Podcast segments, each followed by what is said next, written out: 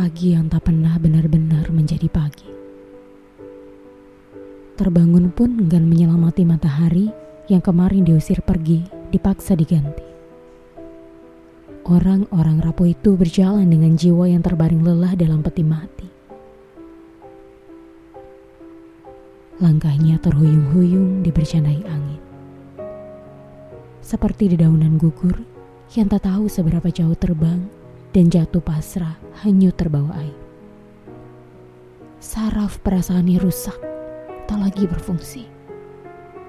Digerogoti rasa sakit, hingga tak tahu bagian mana yang paling parah dilukai.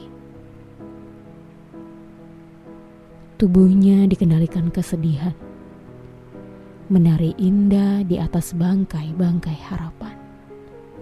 Tangan-tangan gemulai bergerak indah mengikuti irama yang senyap bernada isakan tangis sebagai pengiringnya.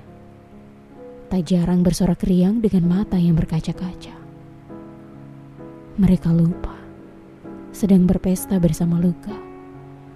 Maka dimainkannya tarian selamat datang pada kesunyian, di mana linangan air mata menjadi suguhan. Untuk manusia-manusia pelupa yang batinnya sedang memaksa tetap baik-baik saja. Seperti halnya gelap yang butuh diterangkan seperti halnya sunyi yang butuh diramaikan. Seperti halnya datang, kehilangan juga butuh dirayakan.